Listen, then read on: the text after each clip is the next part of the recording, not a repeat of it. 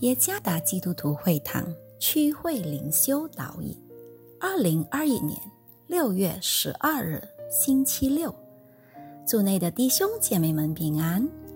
今天的灵修导引，我们将会借着圣经雅各书第四章一到第六节来思想今天的主题：征战斗殴的药。作者李永峰牧师。雅各书第四章第一节：你们中间的争战斗殴是从哪里来的呢？不是从你们白体中争斗自私欲来的吗？你们贪恋还是得不着？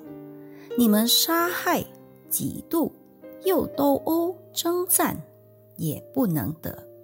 你们得不着，是因为你们不求。你们求也得不着，是因为你们妄求，要浪费在你们的厌乐中。你们这些淫乱的人呐，岂不知与世俗为友，就是与神为敌吗？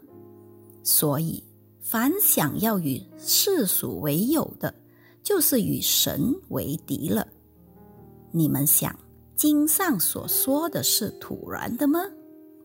神所赐住在我们里面的灵，是恋爱自语嫉妒吗？但他赐更多的恩典，所以经上说，神阻挡骄傲的人，赐恩给谦卑的人。有一个明智的说法：争吵是生活中的花朵，或者换句话说。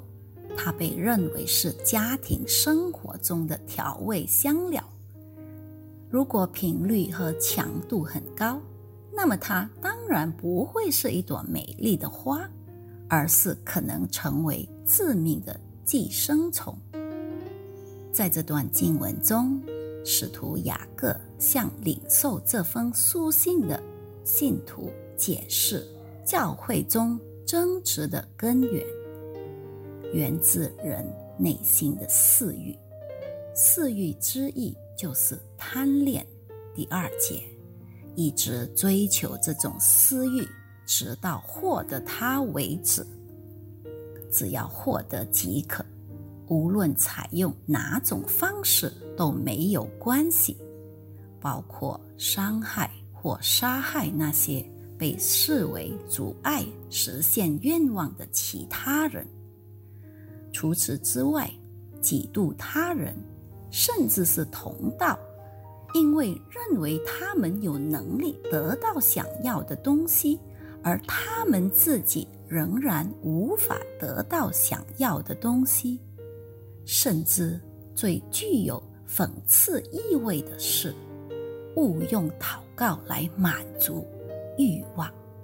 第三节，祈祷。被认为是求任何他想要的东西的管道，包括邪恶的事。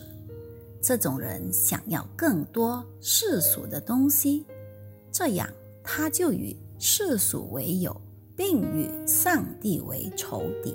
第四节，他的心在上帝和其他人面前是如此骄傲，上帝阻挡骄傲的人。第六节。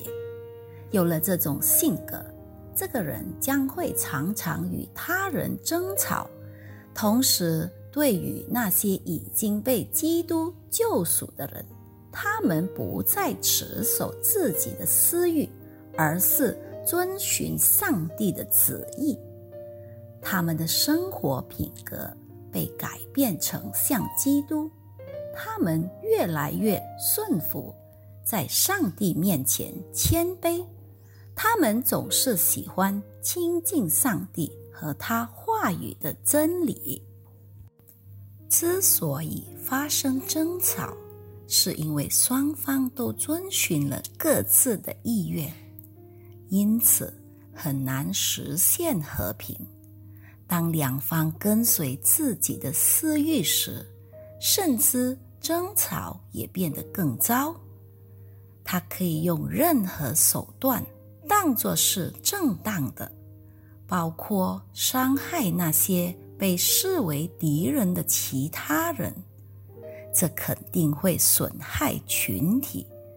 这就是为什么我们每个人都需要训练顺服，并在上帝前谦卑自己的心，享受亲近上帝和他话语之光。这样，我们的生活就变成了像基督一样的品格。这是消除征战斗殴的一种良药。